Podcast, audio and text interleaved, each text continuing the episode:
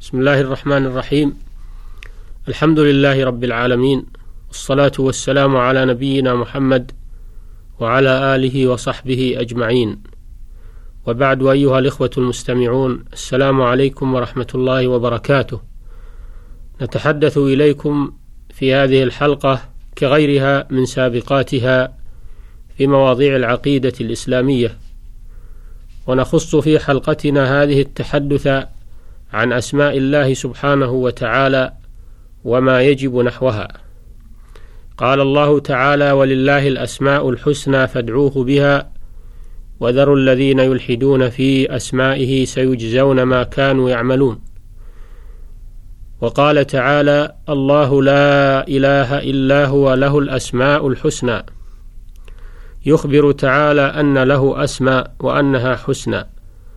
أي حسان قد بلغت الغاية في الحسن فلا أحسن منها لما تدل عليه من صفات الكمال ونعوت الجلال فهي أحسن الأسماء وأكملها.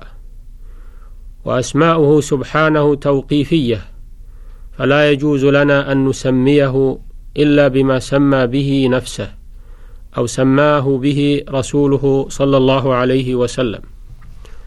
وقوله تعالى فادعوه بها أي اسألوه وتوسلوا إليه بها. كما تقول اللهم اغفر لي وارحمني إنك أنت الغفور الرحيم. وأسماؤه سبحانه كثيرة لا تحصر ولا تحد بعدد. ومنها ما استأثر الله بعلمه فلا يعلمه ملك مقرب ولا نبي مرسل. كما في الحديث الصحيح أسألك بكل اسم هو لك سميت به نفسك أو أنزلته في كتابك أو علمته أحدا من خلقك أو استأثرت به في علم الغيب عندك. قال الإمام ابن القيم رحمه الله فجعل أسماءه ثلاثة أقسام. قسم سمى به نفسه فأظهره لمن شاء من ملائكته أو غيرهم ولم ينزل به كتابه. وقسم أنزل به كتابه وتعرف به إلى عباده وقسم استاثر بعلمه في علم غيبه فلم يطلع عليه أحدا من خلقه. وقوله تعالى وذروا الذين يلحدون في أسمائه أي أعرضوا عنهم واتركوهم فإن الله سيتولى جزاءهم. وهذا وعيد لهم ولهذا قال سيجزون ما كانوا يعملون.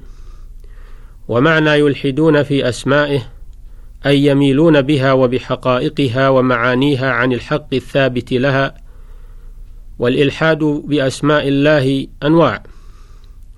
والإلحاد في أسماء الله أنواع. أحدها أن يسمى بها الأصنام كتسميتهم اللات من الإله والعزى من العزيز وتسميتهم الصنم إلها. الثاني تسميته بما لا يليق بجلاله كتسمية النصارى له أبا وتسمية الفلاسفة له موجبا بذاته أو علة فاعلة بالطبع. الثالث وصفه تعالى بما يتعالى عنه ويتقدس من النقائص كقول أخبث اليهود إنه فقير وأنه استراح يوم السبت وقولهم يد الله مغلولة.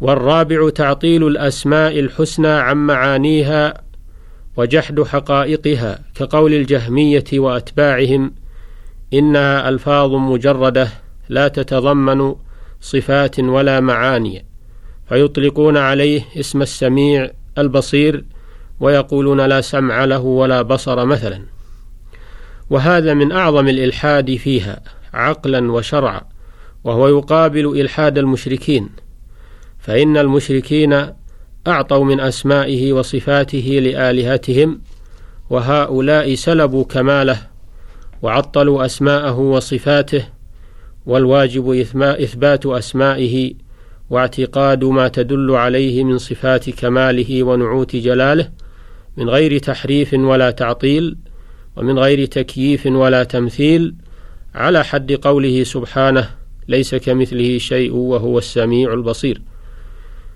والواجب احترام أسمائه من أن يسمى بها غيره وذلك من تحقيق التوحيد. فعن أبي شريح أنه كان يكنى أبا الحكم فقال النبي صلى الله عليه وسلم إن الله هو الحكم وإليه الحكم فقال إن قومي كانوا إذا اختلفوا في شيء أتوني فحكمت بينهم فرضي كلا الفريقين فقال ما أحسن هذا؟ فما لك من الولد؟ قلت شريح ومسلم وعبد الله. قال فمن أكبرهم؟ قلت شريح. قال فأنت أبو شريح. رواه أبو داود وغيره. فغير النبي صلى الله عليه وسلم كنيته من أجل احترام أسماء الله لأن الله هو الحكم على الإطلاق. قال تعالى والله يحكم لا معقب لحكمه وهو الحكم في الدنيا والآخرة يحكم في الدنيا بين خلقه بوحيه الذي أنزله على أنبيائه ويحكم بينهم يوم القيامة بعلمه فيما اختلفوا فيه وينصف المظلوم من الظالم. وفي هذا الحديث دليل على المنع من التسمي بأسماء الله تعالى المختصة به والمنع مما يوهم عدم الاحترام لها كالتكني بأبي الحكم ونحوه. ومن احترام أسماء الله ألا يقول الإنسان لمملوكه عبدي وأمتي لما في ذلك من إيهام المشاركة في الربوبية. وفي الصحيح عن أبي هريرة رضي الله عنه أن رسول الله صلى الله عليه وسلم قال لا يقل أحدكم أطعم ربك وضئ ربك وليقل سيدي ومولاي ولا يقل أحدكم عبدي وأمتي وليقل فتاي وفتاتي وغلامي نهى صلى الله عليه وسلم عن إطلاق هذه الألفاظ آه، ربك عبدي أمتي على المخلوق لأنها توهم التشريك مع الله. وذلك سد للذريعة وحسما لمادة الشرك. أرشد المالك أن يقول فتاي وفتاتي وأرشد العبد أن يقول سيدي ومولاي. ومن احترام أسماء الله سبحانه أنه لا يرد من سأل بالله.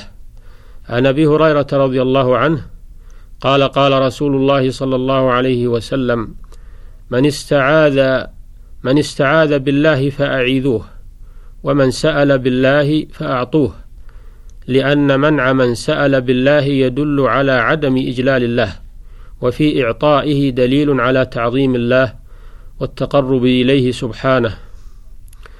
ومن احترام أسماء الله تعالى أنه لا يسأل بوجه الله تعالى إلا الجنة إجلالا لله وإكراما له وتعظيما له. عن جابر رضي الله عنه قال قال رسول الله صلى الله عليه وسلم لا يسأل بوجه الله إلا الجنة رواه أبو داود. فلا يسأل بوجه الله تعالى ما هو حقير من حوائج الدنيا. وإنما يسأل به ما هو غاية المطالب وهو الجنة أو ما هو وسيلة إلى الجنة مما يقرب إليها من قول أو عمل. ومن احترام أسماء الله ألا يكثر الحلف بها. قال الله تعالى واحفظوا أيمانكم. قال ابن عباس يريد لا تحلفوا لأن كثرة الحلف تدل على الاستخفاف بالله وعدم التعظيم له وعدم احترام أسمائه وذلك مما ينافي كمال التوحيد الواجب.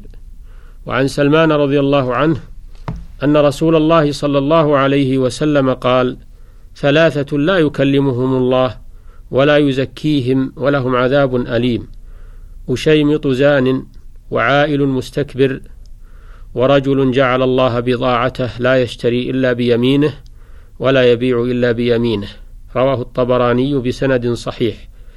ومعنى جعل الله بضاعته أي جعل الحلف بالله بضاعته ففيه شدة الوعيد على كثرة الحلف لأن ذلك يدل على على الاستخفاف بحق الله تعالى وعدم احترام أسمائه. ومن إجلال الله وتعظيمه أنه لا يستشفع به على خلقه لما في ذلك من تنقصه سبحانه لأن المستشفع به يكون أقل درجة من المشفوع عنده. قال الإمام الشافعي رحمه الله إنما يشفع عند إنما يشفع عند من هو أعلى منه. تعالى الله عن ذلك.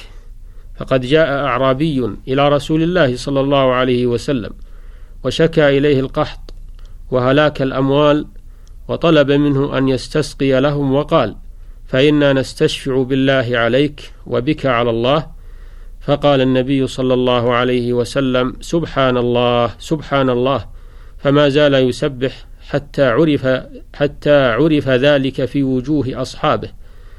ثم قال ويحك أتدري ما الله؟ إن شأن الله أعظم من ذلك. إنه لا يستشفع بالله على أحد من خلقه. رواه أبو داود فشأن الله عظيم وهو الذي يشفع عنده بإذنه سبحانه هذا وإلى الحلقة القادمة بإذن الله. السلام عليكم ورحمة الله وبركاته.